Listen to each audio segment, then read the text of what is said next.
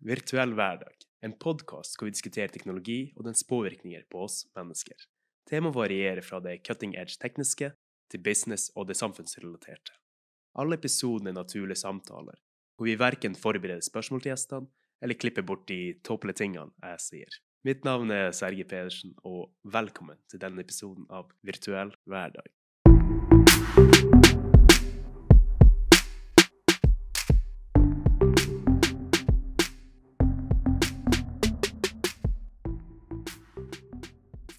I dagens episode så har jeg med meg Tale Sjølsvik. Tale har en doktorgrad innenfor strategi og jobber med en ufattelig kul stilling som heter professor i teknologiledelse. Så vi dekka i denne episoden litt om hva som menes med teknologiledelse, hva hun jobber med, og et tema som vi begge syns er veldig interessant og veldig kult. Og det er juss og automatisering, og selvfølgelig AI-teknologi innenfor det hele. Det er en veldig gøy episode, så jeg håper dere liker den. Så fortell, hvordan det er å være professor i teknologiledelse? Det er utrolig kult. Er en av de stiligste titlene jeg har hørt på ganske lenge. Hvordan havner du i noe sånt?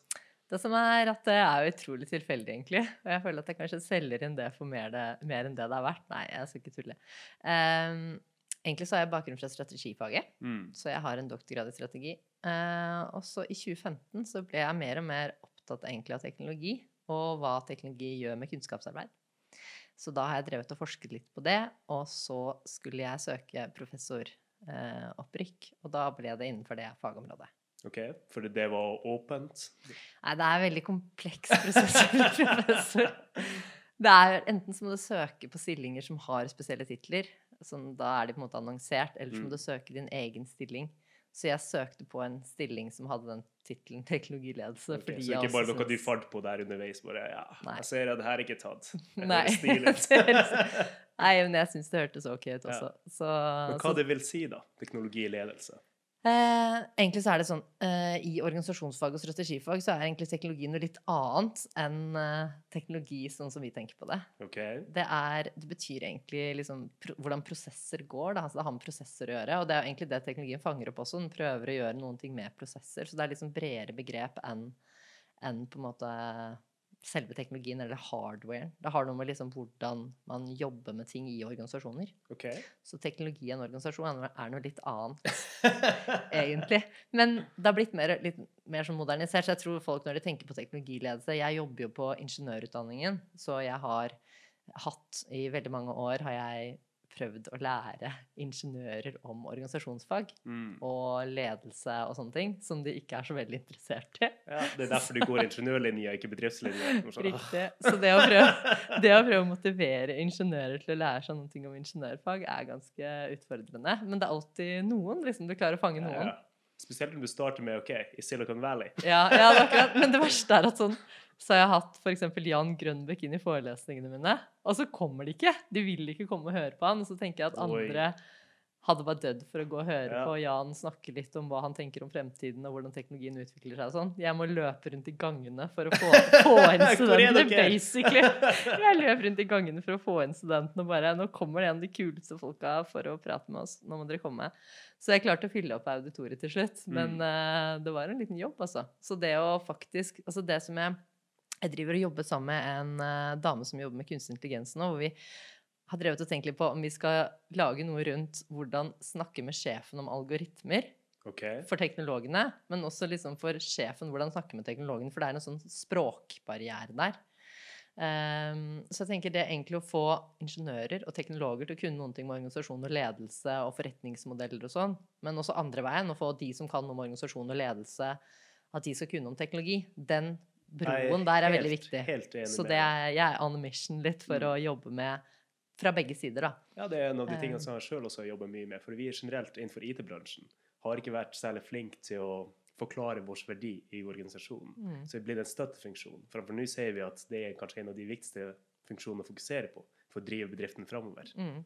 Og så tenker jeg sånn rundt teknologi nå, så er det innmari viktig at det er inni det meste man gjør i organisasjonen. Så det å Mm. skille teknologi fra eh, strategi eller fra organisasjon, det begynner å bli veldig vanskelig. Så det må liksom være en sånn samhandling der.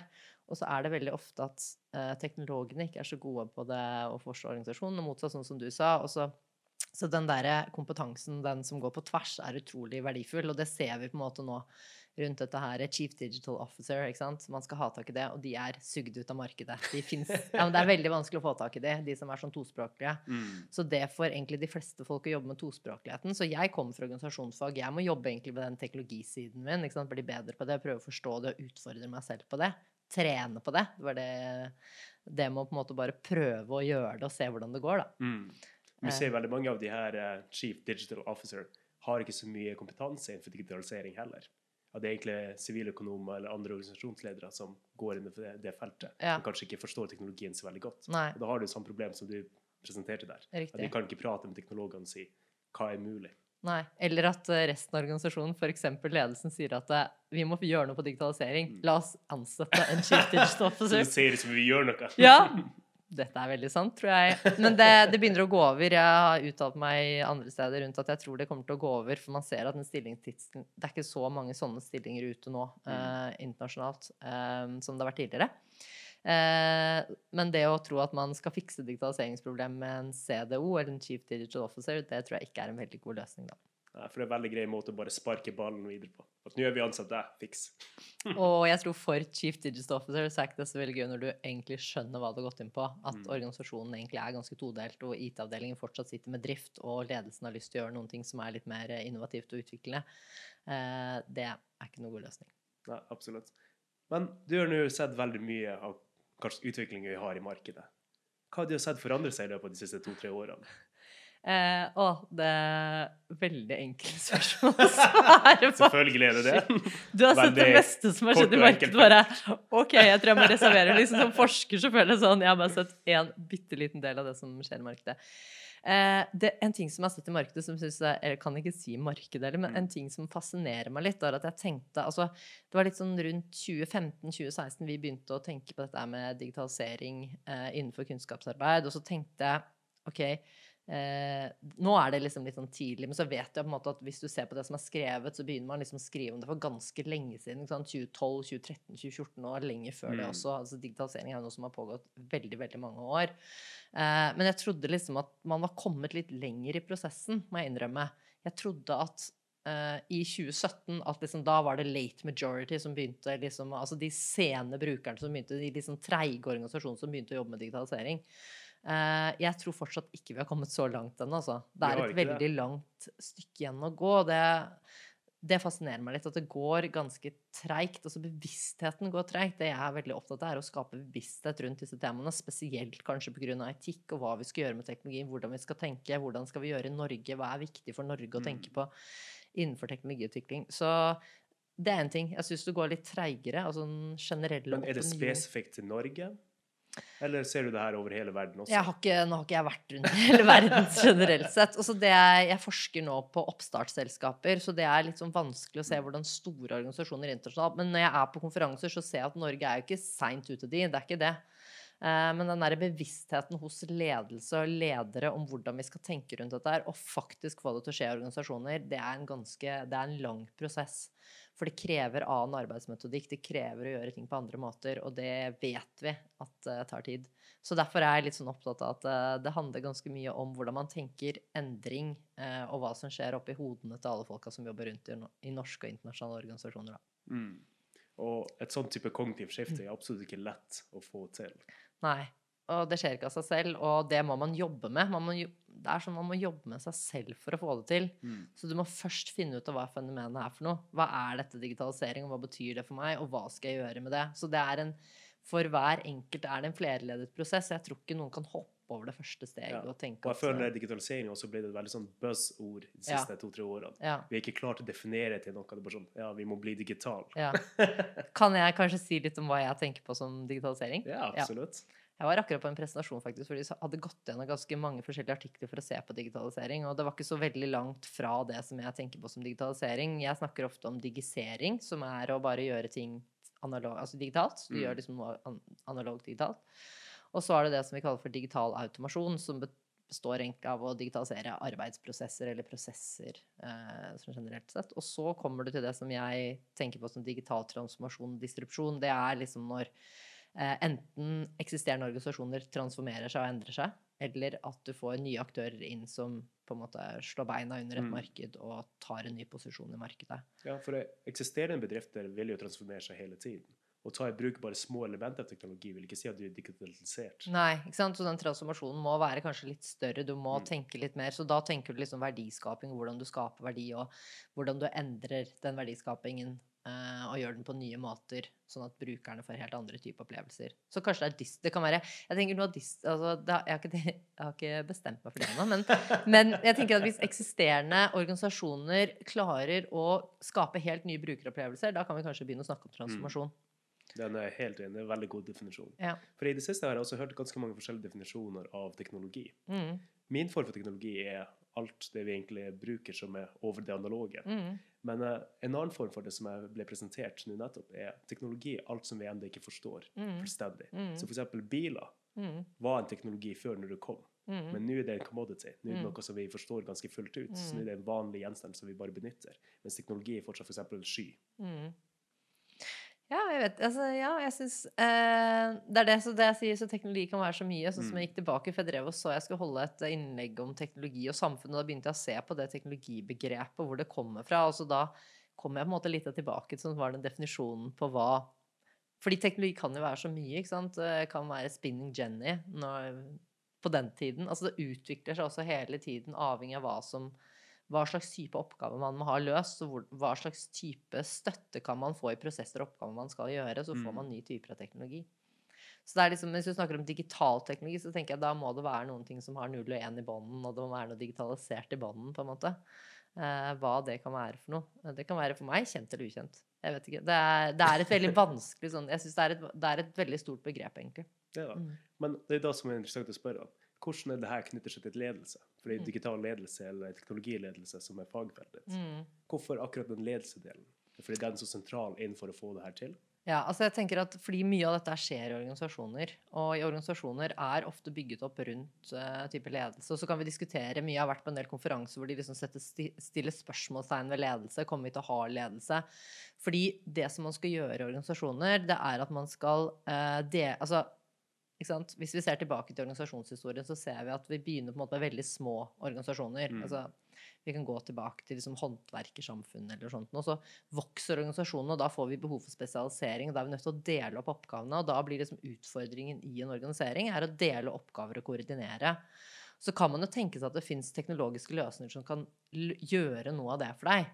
Du kan dele opp oppgaver og få koordinert det ikke gjennom For det tradisjonelt har det vært koordinert gjennom et hierarki hvor det på en måte har vært mange nivåer av ledelse. Mm. Og da blir spørsmålet nå om noen av disse nivåene kommer til å forsvinne fordi man kan koordinere ting på bedre måter, som vi ser f.eks. gjennom delingsøkonomimodeller.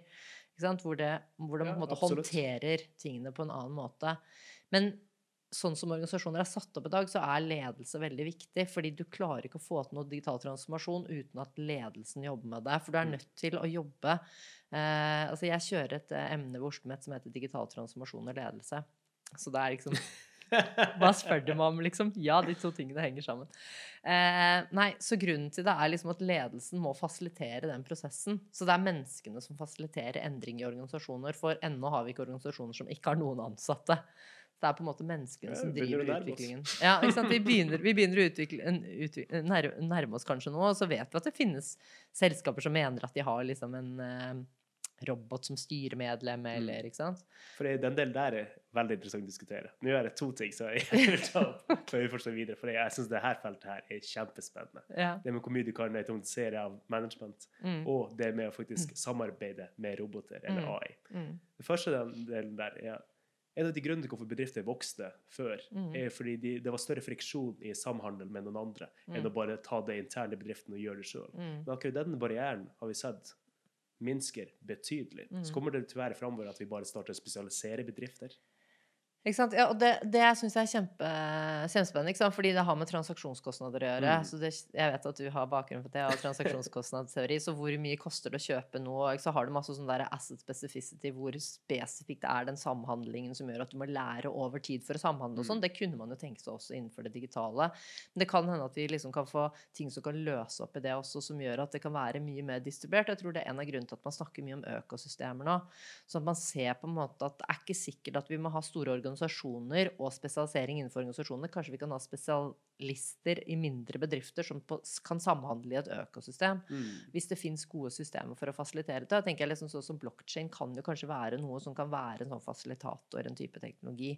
Eh, men plattformer, ikke sant. Masse, vi ser disse svære arbeidsplattformene. Ja, Upwork Upwork, på freelancer. Jeg syns det er veldig fascinerende de der som gjør sånn I'll do this for five dollars. Alle Mm. mulige sånne micro-microtasking. Det er en veldig annen, annen ting jeg er veldig opptatt av. Det er eh, den derre evnen til å dele opp oppgaver, da. Altså hvordan kan arbeidsoppgaver deles opp? Fordi hvis man blir veldig, veldig god på det, bare sånn i hvert eget liv Hvis jeg hadde vært utrolig god og klarte å dele opp én e-post jeg skulle sende, og noen andre kunne gjort det for meg, Altså det er noe med, så det kommer sikkert løsninger som fasiliterer mye med sånn microworking på Det det. og men, men det er en skill å arbeide for oss også, for vi er nødt til å klare å forstå hvordan vi kan dele opp våre oppgaver. Og, så det første man kan gjøre, sant, er å dele kanskje mellom mennesker, men etter hvert så kan man dele mellom maskiner og mennesker. Det er akkurat det jeg ville vil gjerne også si på den delen der. Ja. er det er jo hele essensen i hvordan vi lager AI-teknologi per nå. Mm. At vi bryter ned en prosess inn i veldig veldig små mikrodeler og Mm. ser kan jeg automatisere den her, kan jeg automatisere den her. Ok, Mm. den her kan jeg ikke automatisere, men jeg kan outsource. Mm. Det er et paper som jeg skrev nå over julen, som jeg skal presentere nå i høst på noe som heter Academy Management, som går akkurat på det der. hvor Jeg så på hvordan liksom disse Jeg ser jo på oppstartsbedrifter innenfor advokatområdet internasjonalt, og hvordan liksom de prater om hva de skal gjøre, da. Og da ser vi liksom at det er en ganske sånn endring fra at man begynner med å angripe disse små prosessene. Altså du ønsker å dis disaggregere alle prosesser. Jeg tror det er sånn, sånn er naturen til IT-bransjen. De ønsker å disaggregere alle prosesser. Bryte ned alle prosesser i bitte, bitte små ting.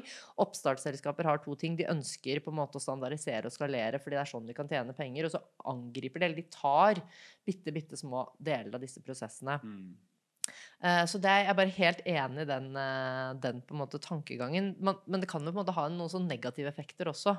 Fordi alt blir veldig sånn disaggregert. Man mister på en måte oversikten og helhetsforståelsen. Og det er jo sånn man kanskje har rundt kunstig intelligens også, at man mister liksom det der, den større forståelsen av implikasjonen. Fordi den prosessen med å disaggregere, eh, standardisere og skalere, det er på en måte akkurat som at det er en sånn prosess du ikke kan stoppe. Mm. Det er liksom kapitalismens eh, måte gjennomsyrende kraft som går gjennom alle prosesser. Fordi man klarer å kutte kost og effektivisere gjennom å gjøre det. Så da er det sånn, Men det som også var litt spennende å se, er at man da i det som jeg har sett på, ser at etter hvert så bryter forretningsmodellene sammen. Fordi man er jo vant til å organisere på bestemte måter og ha folk og sånn, så at lett så bryter disse forretningsmodellene sammen. Og man begynner å se på økosystemene igjen. Så det er egentlig tilbake til det du snakket om litt i stad. hvor Man da skjønner at man har masse små aktører som egentlig håndterer prosesser som var helhetlig store organisasjoner før. Mm. Hvordan skal vi samhandle, hvordan skal vi få de til å samhandle i et større økosystem? Eh, Så det var egentlig ganske morsomt å lese gjennom eh, de artiklene. Det var bare en femårsperiode, men liksom perspektivene endret seg på ganske kort tid. da. Ja, absolutt. For det har Mm. ikke eksistert så veldig lenge heller. Da prater vi om kanskje fem-ti års periode, maks. Ja, fordi den endringen går ganske fort, og hvordan man tenker på det ganske fort. Så det er litt sånn opptatt av at man eh, For de kan bli litt sånn ute av kontroll. Det vi har liksom med store systemer og organisasjoner, er at vi ikke har en forståelse for helheten. Men med et sånt system som vi snakker om nå, så kan liksom miste forståelsen for helheten, og ingen tar ansvar for totalbildet av hva vi faktisk utvikler av teknologi, hvordan den brukes, og hvilke implikasjoner det har for oss som mennesker, da. Hvordan skal vi lage en sånn type rolle? For jeg, jeg kan se for meg at det kan også bli kanskje gjort gjennom en plattform eller en AI, Mm. som tar det mer holistiske eller helt, helhetlige bildet og se på den delen.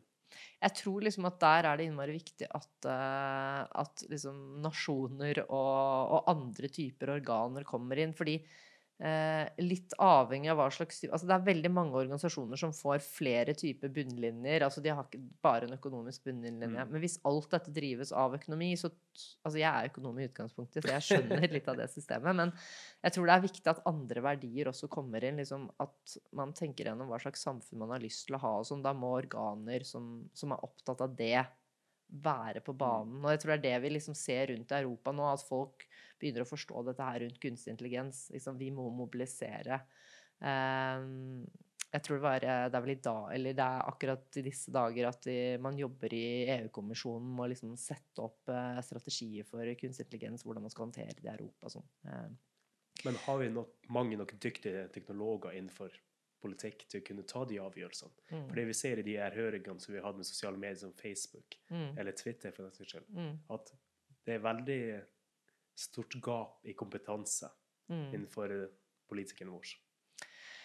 Det er jeg helt enig i, og det er egentlig litt det samme som, eh, som for ledere. At det krever Men jeg tror man må, da må man jo liksom mobilisere ekspertene. Altså Mm. må jo mobilisere AI-forskerne. Og så tenker jeg at det er ikke kanskje alltid de som er de beste på teknologien, som skjønner de andre tingene.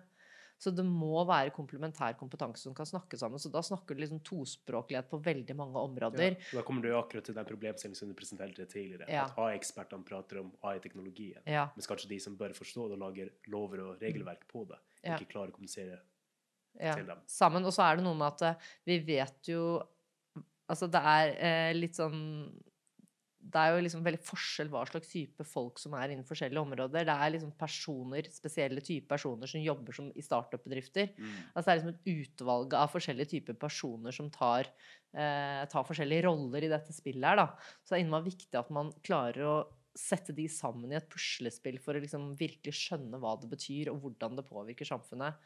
Jeg tror ikke de som, de som jobber i Silicon Valley, har ikke den samme etiske refleksjonen kanskje som eh, filosofer. Så vi må ha liksom tverrfaglig kompetanse. Filosofer må ta tak i å forstå kunstig intelligens, og de som jobber med kunstig intelligens, må få en sånn eh, liksom en, en, en litt sånn uh, filosofisk innfallsvinkel på det. Jeg var i møte med en innmari spennende dame for noen dager siden som jobber i barselpermisjonen sin med å utvikle en side knyttet til etikk og kunstig intelligens. Altså Mm. hvor man kan få tak i ressurser, da, altså ting man kan lese, sånn at man kan forstå dette her bedre, for hun opplevde det som veldig sånn mangelvare. Så det syns jeg bare var et utrolig sånn godt eh, prosjekt. Liksom sånn eh, Så hun gjorde det her i barselpermisjonen sin. Ja, så i barselpermisjonen sin så tok hun eh, altså og fikk den interessen for å se på sammenhengen mellom etikk og AI, og hva slags type ressurser vi, eh, vi har, for de har veldig lite. Altså hun klarte ikke, hun, hun jobbet med, med sånn eh, compliance og forstå det, men også innenfor eh, tek, eh, teknologibransjen. Så hun eh, ble veldig frustrert og gjorde det. Og så jeg møtte henne, og hun har liksom lyst til å launche en side nå, da. eh, det. Det er utrolig Ja, det der er kult. veldig kult. Jeg tror Ja. det er veldig mye rom for de diskusjonene. For jeg tror de fleste, i hvert fall filosofer, syns det med AI er veldig spennende. Mm. For ikke bare kommer den til å påvirke livet vårt veldig, veldig mye, men det er også ikke et menneske eller den type identitet. Så hva slags Ja, hvor mye rettigheter skal vi gi en AI? Mm. Hva skal den kunne gjøre, og hvordan skal den kunne påvirke livet vårt? Men så har jeg noen filosofer på jobben som også jobber med dette, her, men de fant ut at de måtte liksom ned for å prøve å forstå hva kunstig intelligens faktisk Mm. går ut på. Og det var ikke så veldig lett, da. Men jeg så absolutt var sånn sette av et par uker for å skrive noen ting. Fordi det er noe med at hvis du skal få Det er utrolig viktig hvis du skal få kredibilitet som filosof hos AI-folka, så må Mm. du liksom vise at du skjønner deres kontekst. Eh, og det er jo ganske krevende. Og hvis du på en måte De som jobber med AI, skal få innpass hos filosofene, så må du på en måte skjønne at de kan om filosofien. Så det er, det er liksom en sånn krevende øvelse. Det er veldig vanskelig å gå mellom felt, som oftest. Mm.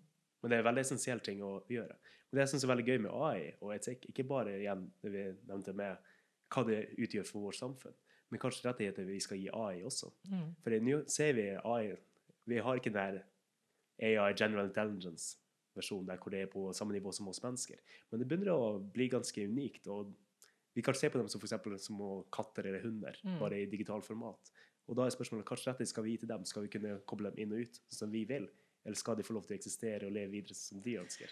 Det, det er jo det som på en måte de mest skeptiske er redd for, da. For de er jo redd for hvor fort det går når først Altså hvis de liksom Vi har jo hatt det allerede. En av eksempler på det her er Microsoft sin sånn type AI-bot i Kina, Ja. som er Thai. ja. Og hun starter å kommunisere med mennesker. og Hun gikk litt sånn av bane etter hvert. ja. Jeg har hørt det. Begynte å si ting som de ikke skulle si Ja. og sånn. Ja. Men vi har mange andre lignende boter som også blir brukt i Kina, som da blir som companion bots, Mm. hvor folk faktisk får en relasjon til dem og ser på dem som egentlig en venn eller en Ja, er Pat. Mm, Jeg vet ikke om du husker det, de hadde i Japan og sånne små greier som de gikk Jo, med for en del Tamagotchi. siden. Ja, ja, ikke sant? Var det det det var det het for noe? Ja, Tamagotchi. Tamagotchi, ja, ikke sant? Tenk liksom som advanced ja, ja, det er akkurat det. Ja. Så det blir på en måte som et digitalt dyr som du har det. Ja, som også, du får en relasjon til. Du må mate.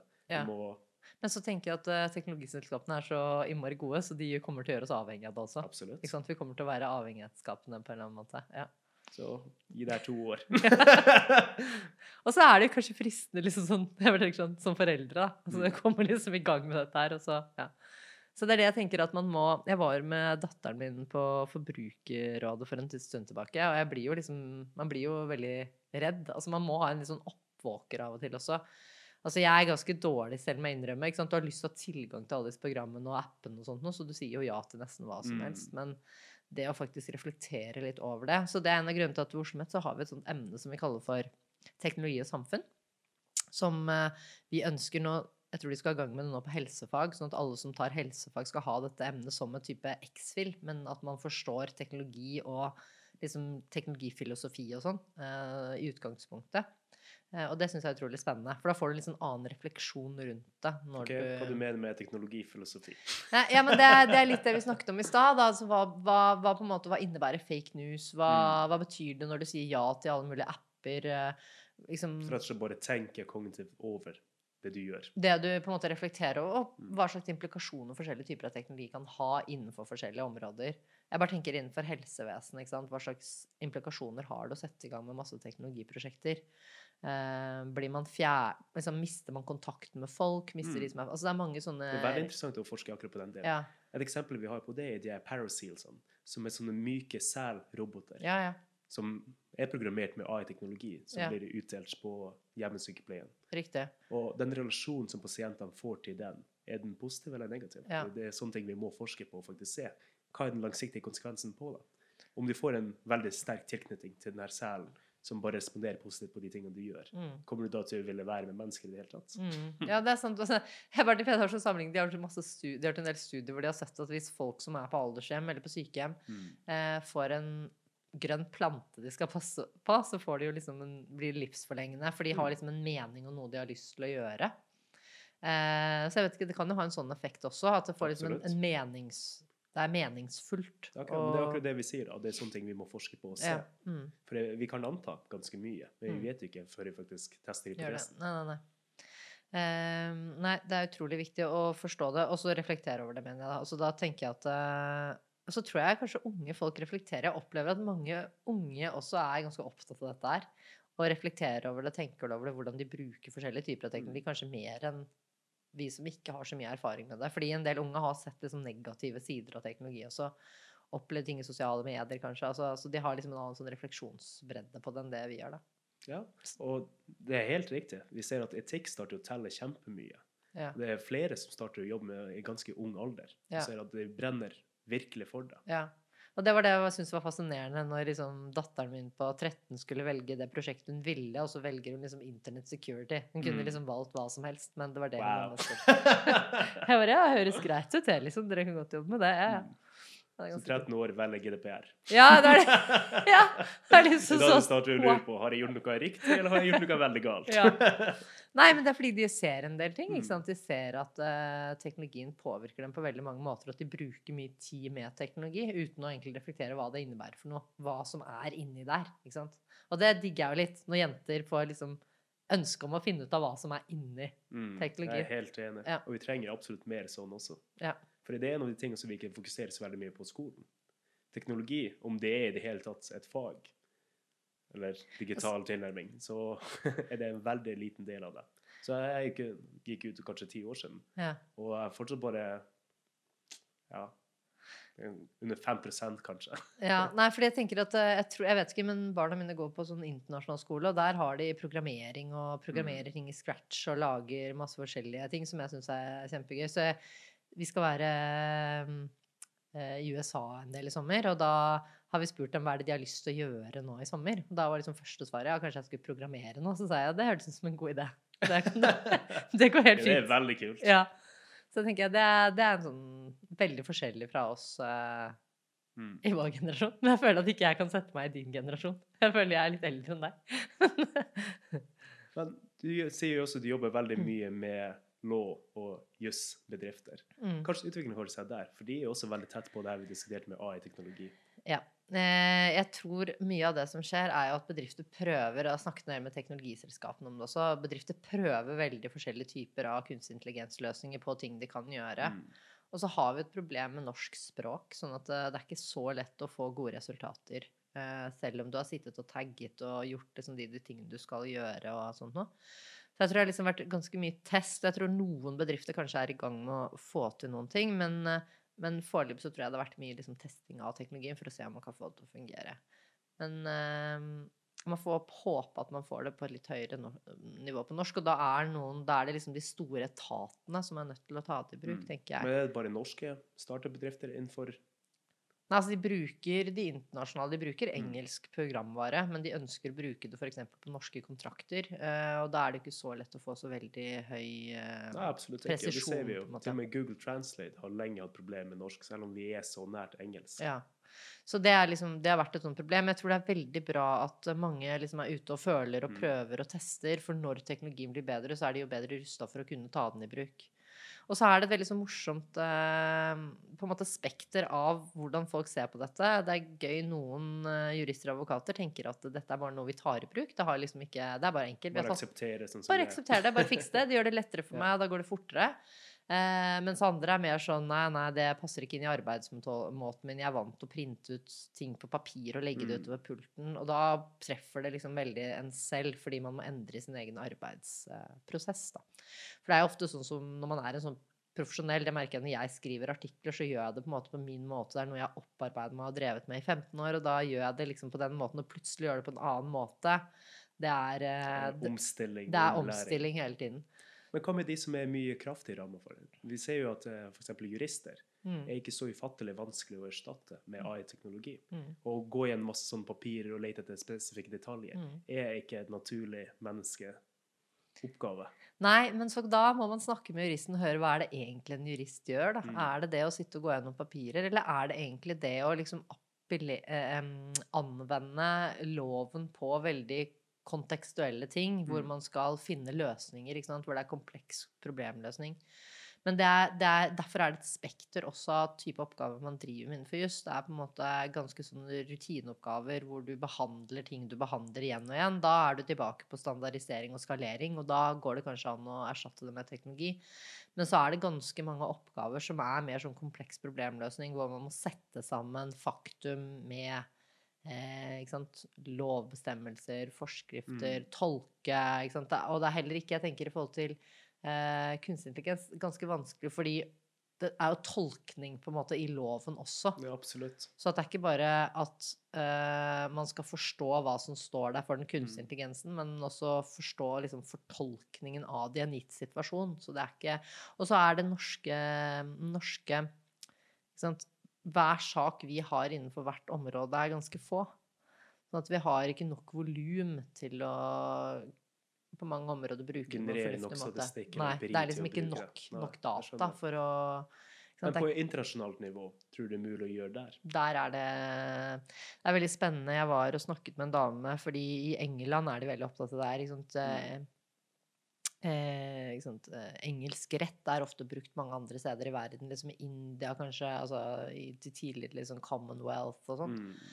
Og da, så de er veldig opptatt av å liksom beholde den rollen for jussen. At ikke noen andre retts, liksom, tysk rett eller italiensk rett, skal ta området.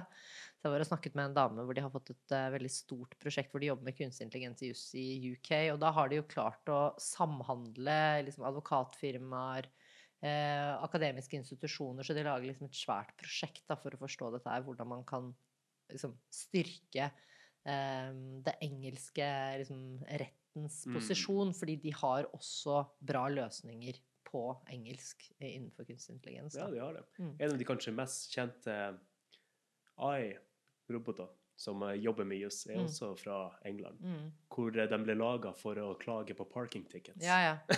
Do not pay. Do not pay. Ja. Nei, men de har liksom de har flere ganske gode selskaper i, Mm. i UK. Eller altså innenfor amerikansk og engelsk eh, rettsvesen. Altså de har på en måte en fordel der, og det er jo sånn for norsk fornorskerett er det også en trussel, fordi mange norske store selskaper kan jo velge å legge sine kontrakter over til engelsk, som de Mm. allerede gjør, og da, ikke sant, da kan det være fristende hvis de allerede er på engelsk, så kanskje de også ønsker å gå ha de kontraktene under en annen type rettssystem enn det vi har, det vi har i Norge. Så det er jo også en ting å tenke på, at man kan gjennom dette her få et sånt marginalisert eh, system i Norge, hvor liksom bare ting som vi må gjøre i Norge, gjøres i Norge, mens alle andre ting Ja, det der er et veldig interessant Ja. tema. ja, liksom, Hvis vi kan da kjøre dette her gjennom systemer og Mm. og, så det vil jo også ha effekt på hvor man har hovedkontoret sitt og sånn. Så det er ganske mange sånne mm, effekter, da.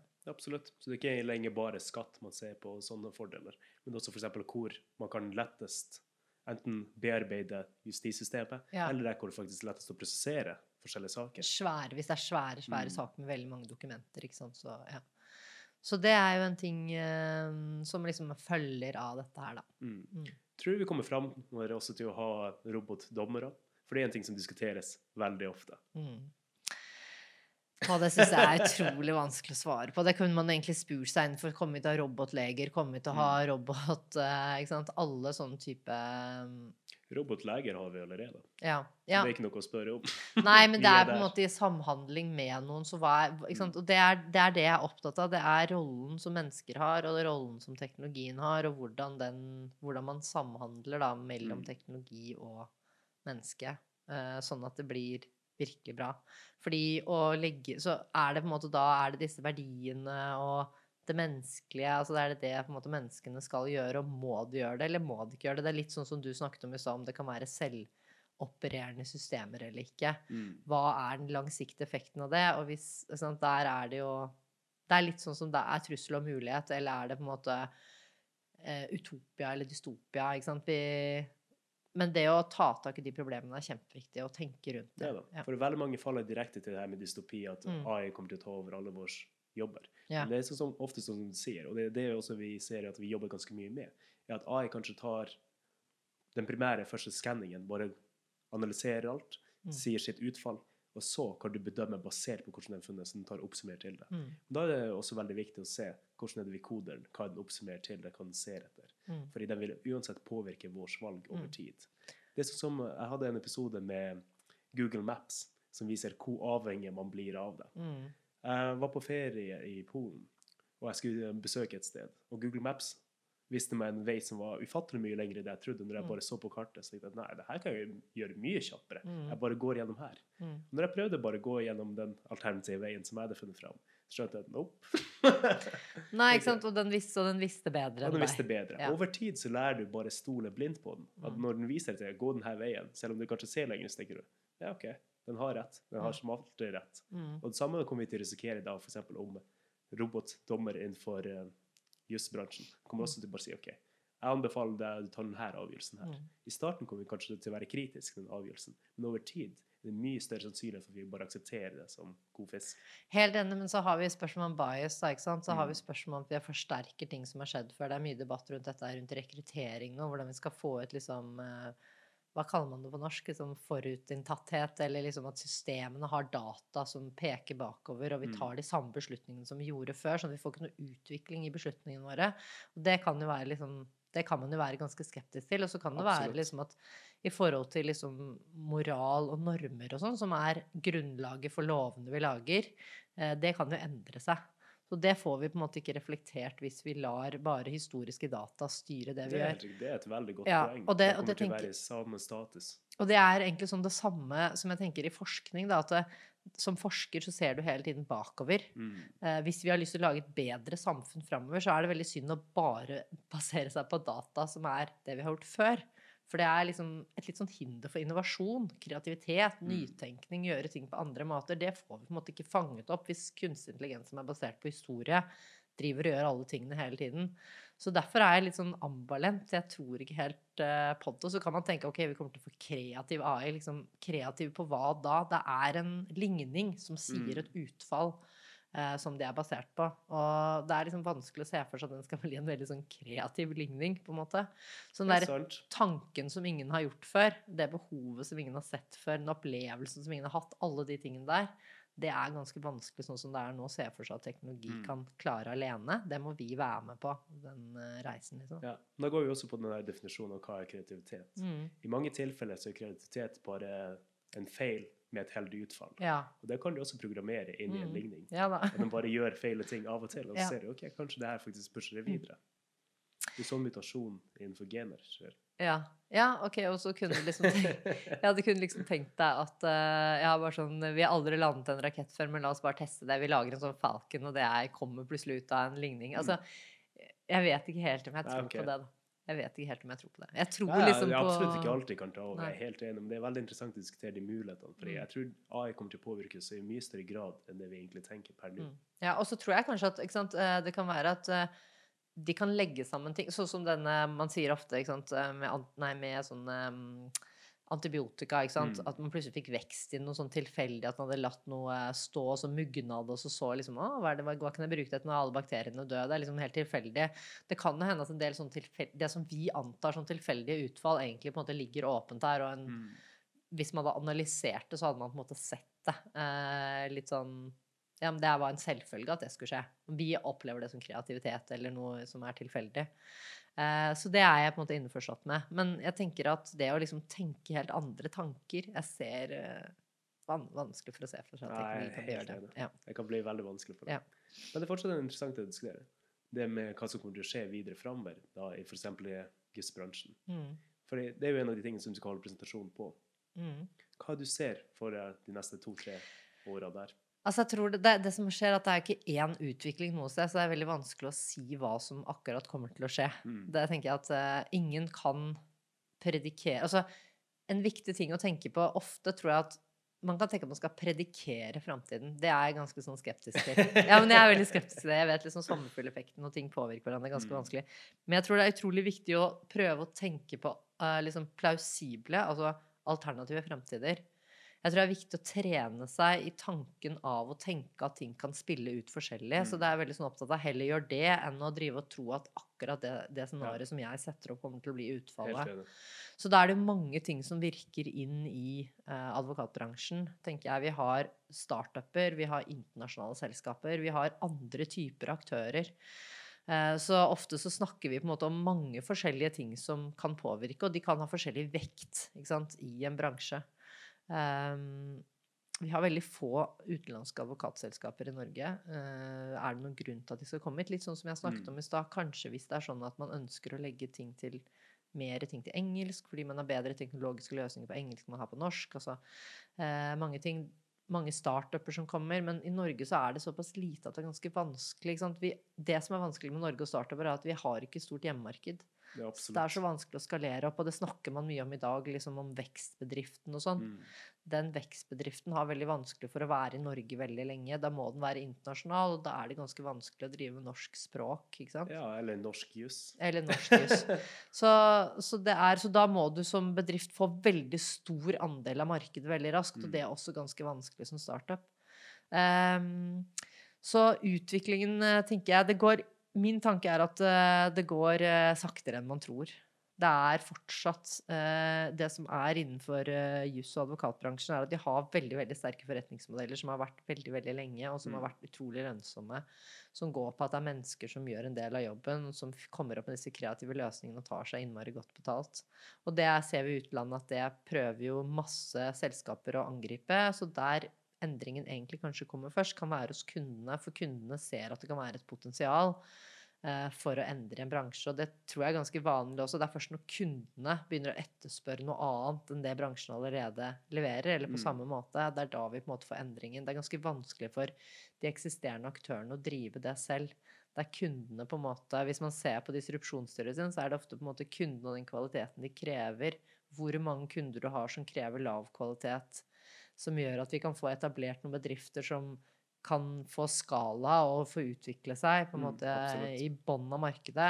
Det, det er ganske viktig. Ja, og det er sånne ting vi også ser, er at vi blir veldig vant med hvordan vi får, eller konsumerer tjenester per Mm. dags dato. da. Ja. Eh, Airbnb eller andre digitale tjenester som er veldig enkel, veldig kjapp. Mm. Uber. Mm. Og det samme kommer vi mest sannsynlig til å forvente fra det offentlige eller jusbransjen Mm. også. Mm. At det skal gå enkelt, kjapt, og smertefritt. Ja, ikke sant. Og så hva, hva er det som kan standardiseres der? For det Mm. kommer ofte på de tingene som kan standardiseres uh, først. For det som er på en måte mer sånn tilpasset og komplekst, det er ikke så lett i utgangspunktet for teknologi å ta over. Ja, det er sånn omvendt lov. at Det som er, vi tror er veldig enkelt, det er egentlig veldig vanskelig for AI. Men Ja. de ting som vi ser på som veldig komplekst, det, Det kan er veldig enkelt for alle. å Ja.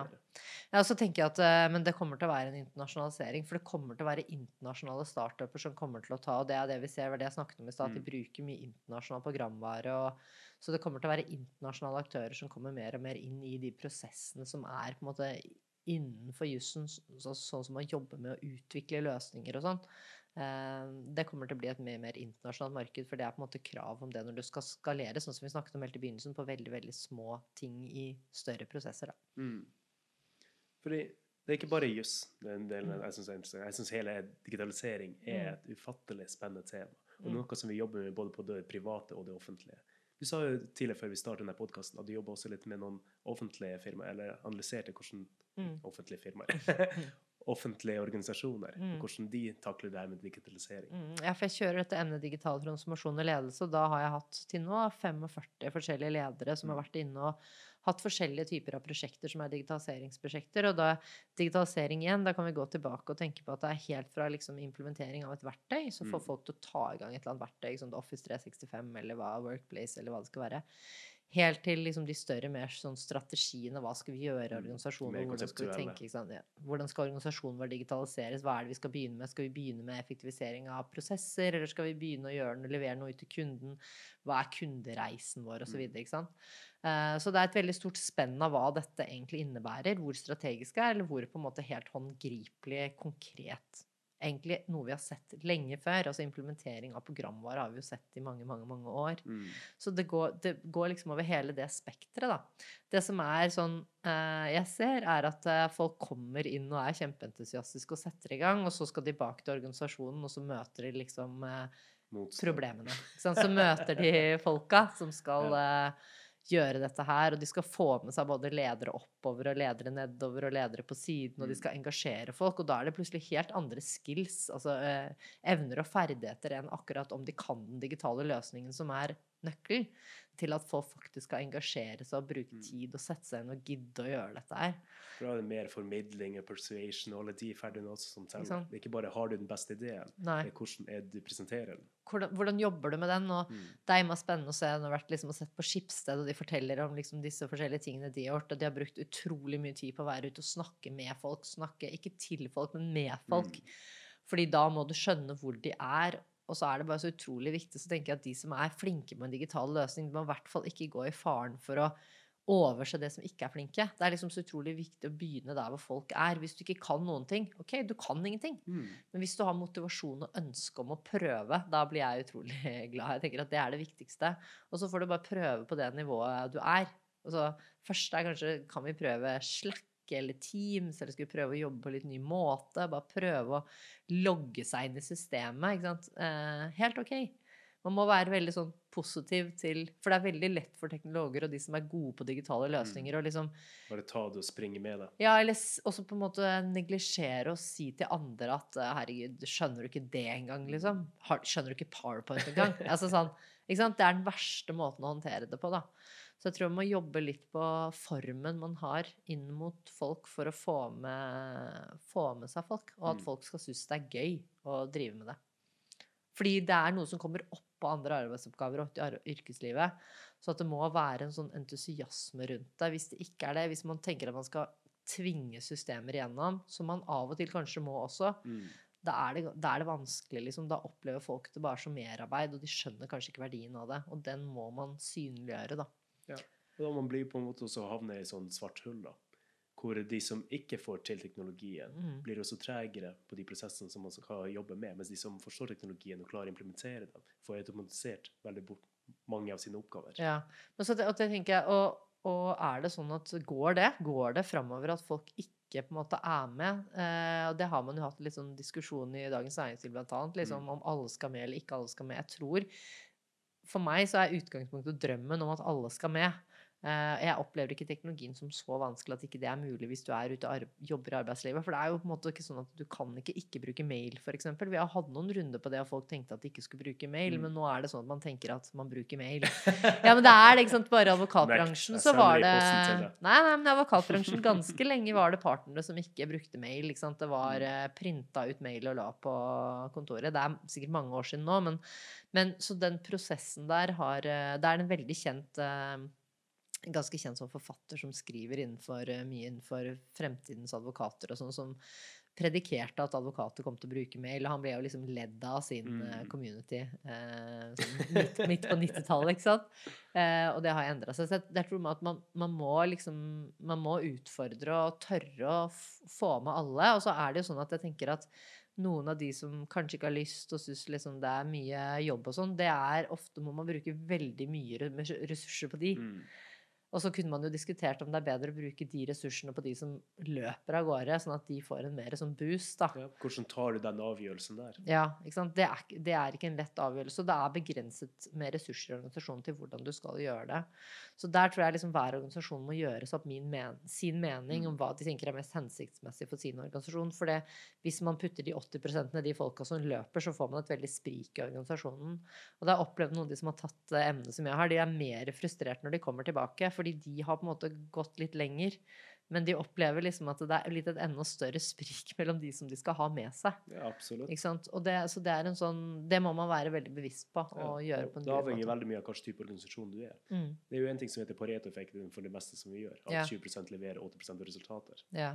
Og, og kanskje du bør satse på de 20% istedenfor på de siste 20% som absolutt ikke vil eller er motivert til å lære seg teknologien og være med framover. ja, men det er det jeg tenker på. Det Pareto-optimale er på en måte når, du, når summen blir større. Ikke sant? At hvis du, du må hele tiden tenke hvordan du disponerer ressursene i din organisasjon for å få det best mulige utfallet i forhold til de ressursene du har å investere på å utvikle organisasjonen til å ta i bruk ny teknologi. Mm. Ehm, så da er det liksom, Men hvor stort sprik For det kan hende det spriket i organisasjonen også kan få en sånn veldig negativ effekt. At du får noen som liksom sitter og holder veldig igjen.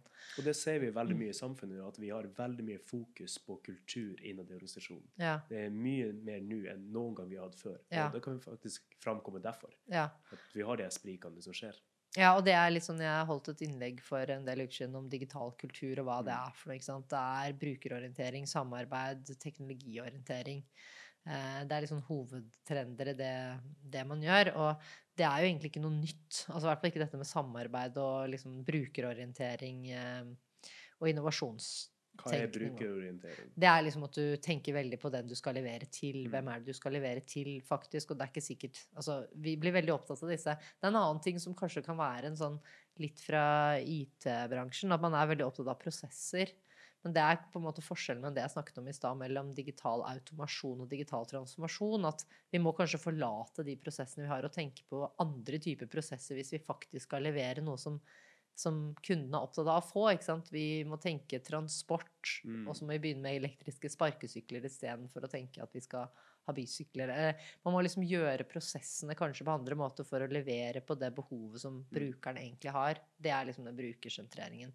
Så det er jo en sånn sam sammenfall mellom designtenkning, som har fått veldig liksom, innpass i samfunnet, samtidig som vi har fått annen type teknologi. Så da får du på en måte begge de to tingene samtidig. Ja, absolutt. For det er jo det som er innovasjon og kreativitet. Mm. Det er ikke bare å gjøre de bilene som vi har, raskere, men f.eks. å gjøre det om til en bysykkel. Ja, ikke sant? Eller ja, fordi han skulle fra A til B. Han Mm, ville egentlig ikke lete etter parkering.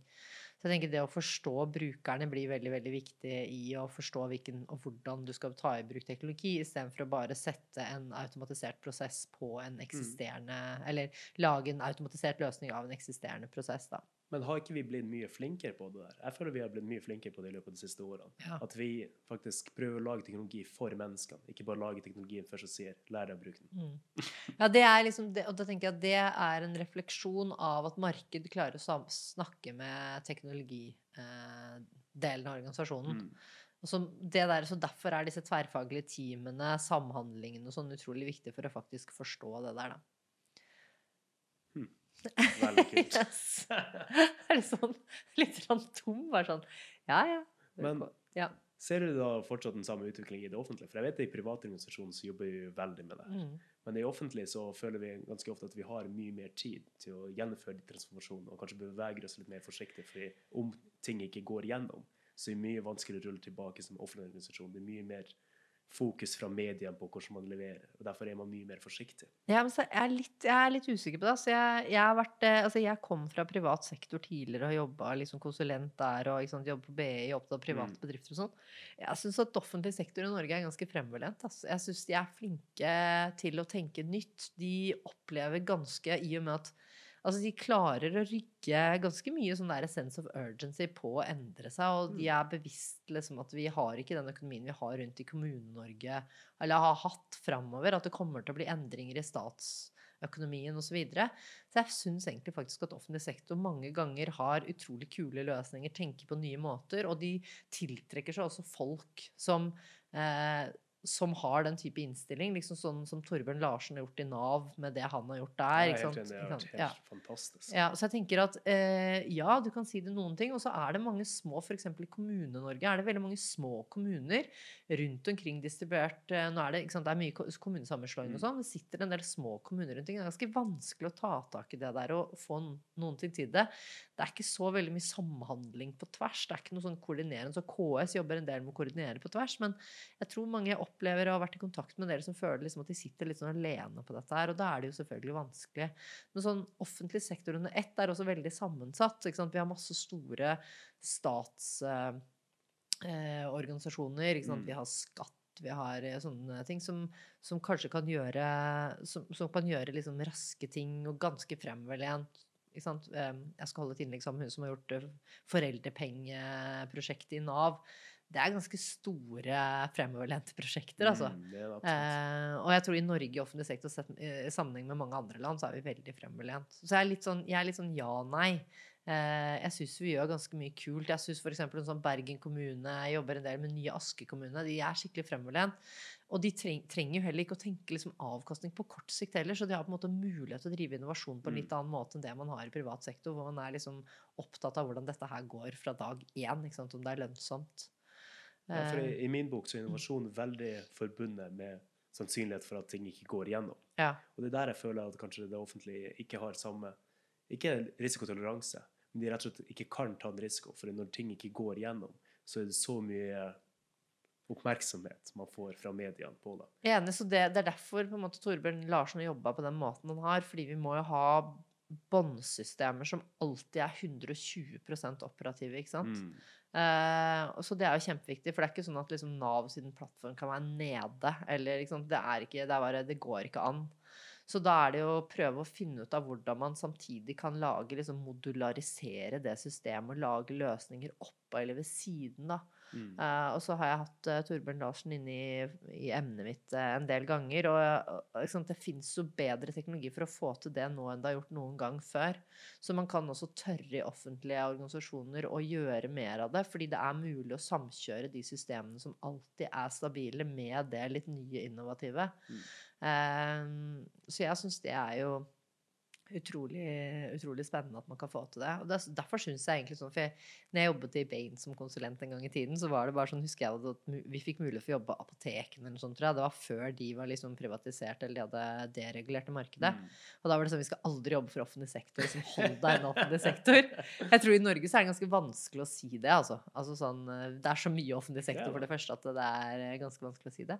Men også fordi de tenker på annen måte, og det er mye mer flyt, opplever jeg, av ressurser på tvers. Det er ikke sånn at de som har jobbet i offentlig sektor, alltid jobber i offentlig sektor. Mm.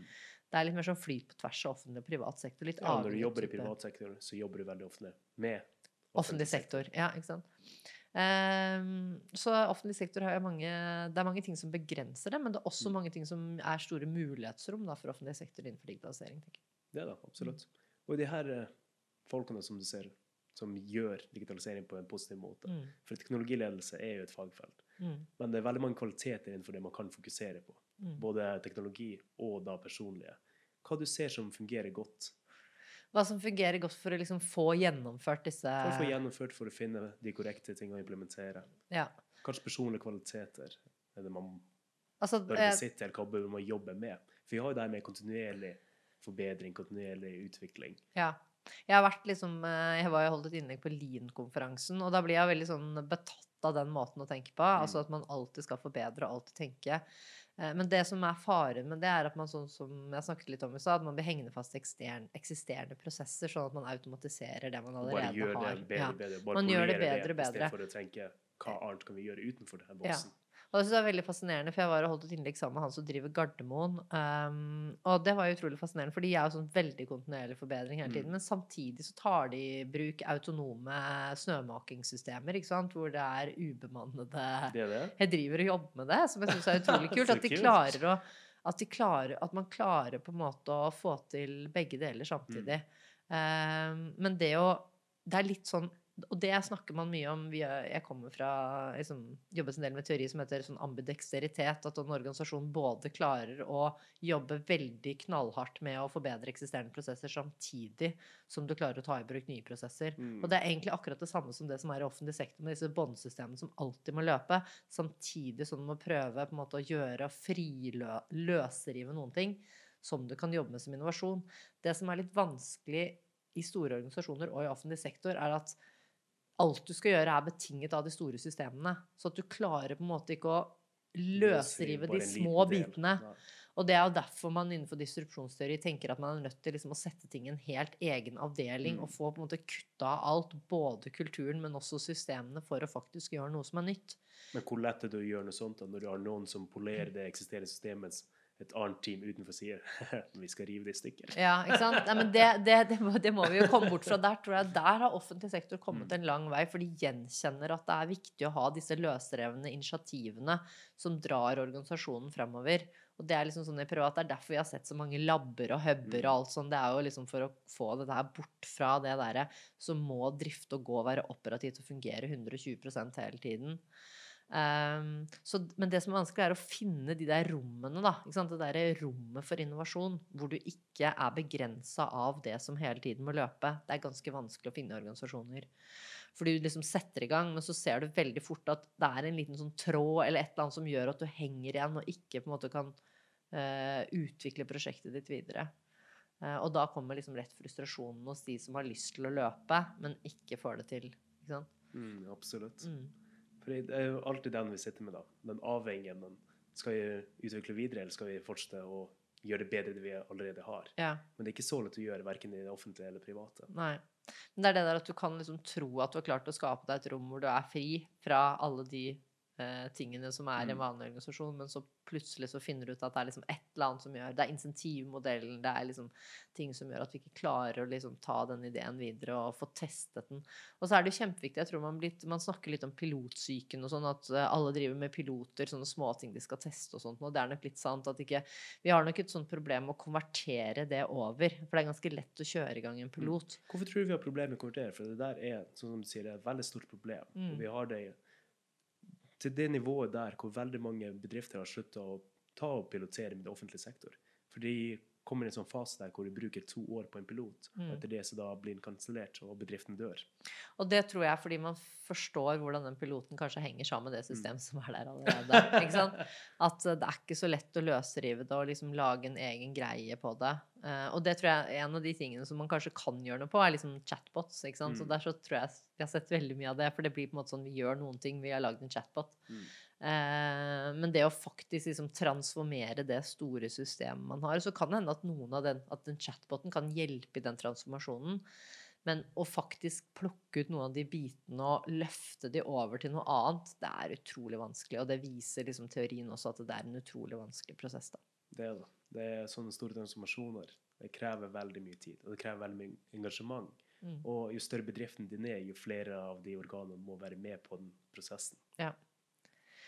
Så en måte, for eksempel, som du sier det med chatbot-løsninger Mm. De fleste sånn som jeg har sett implementert i Norge, er i et veldig grunnleggende format. Mm. Hvor de bare akkurat gjør den første delen hva chatbot kan gjøre, istedenfor mye dypere og ja, transformere plattformen fullstendig. Ja, for de går ikke egentlig inn i de oppgavene man gjør gjør i organisasjonen. Det ligger på en måte på siden og gjør, gjør det, på en måte og bare administ- finne fram linker istedenfor ja, Eller administrative oppgaver som Mm. liksom ligger Det er liksom ikke kjernen av hva man faktisk gjør. Absolutt. Og Ja. det ser du med de fleste andre oss teknologier som vi ser starte å utvikle seg, om det er blockchain, eller det er AI, eller skyteknologi. At vi bare trør forsiktig i det, men vi implementerer ikke det i en dypere grad. Tror du det er fordi vi mangler den dype kunnskapen her i Norge? Nei, jeg tror ikke det er fordi vi mangler den dype kunnskapen. Jeg tror det er fordi at det er, det er vanskelig fordi man har systemer som er der allerede. Så det er Mm. liksom vanskelig å plukke ut. Når det gjelder blokkjede, så er det også knytta til at det, det krever veldig mye samarbeid for å få til. Altså du må ha mange aktører som samarbeider for å få en sånn blokkjede til å fungere på en god måte. Og det er ofte veldig vanskelig å få til, og det krever egentlig en sånn mennesketilnærming, det også, for man må få til dette samarbeidet og tillit og sånn eh, mellom mange aktører for å Mm. klare å få det til. Men bare for, om vi tar blockchain videre. Det er veldig mange land som har vurdert å implementere blockchain currency, Mm. hvor du tar det samarbeidet der og eksempel bare realiserer det i valuta. Mm. Det samme kan vi gjøre innenfor juss med kontrakter. Mm. Det skal ikke være så utrolig vanskelig å gjennomføre en sånn type teknologi.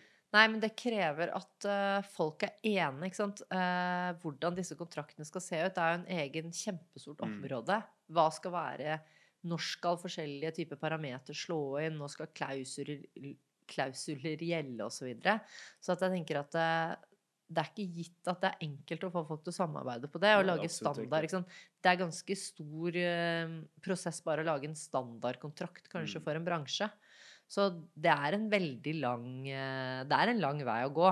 Eh, Det kunne, kunne være at man kunne få det til, det er ikke det jeg sier, men det er liksom en sånn prosess fordi det går inn på både fagkompetansen til juristene, og så går det også inn på hva man mener liksom er den riktige kontrakten, og hvordan den skal være satt opp, og hvilke parametere som skal ligge i den og sånt noe. Så det er ikke, det Men kjempe... du tror ikke sånn det er noe vi klarer å revolusjonere snart? Nei, altså Man har jo veldig tro på det. Man har Mm. veldig tro på smarte kontrakter. Men jeg tror det er, det er, eh, det er vanskelig å implementere. Det er, ikke, det er ikke lett å gjøre det. Mm. Det er en veldig spennende samtale vi hadde i dag. Mm. Så tusen takk for at du hadde tid til å komme over. Tusen takk. Veldig gøy å få lov til å være her. Jeg har vrengt hjernen min både frem og tilbake og prøvd å tenke. Håper det var noe innsikt i det. Ja, det var et par fornuftige ting. Ja, det er bra. tusen takk. Fint.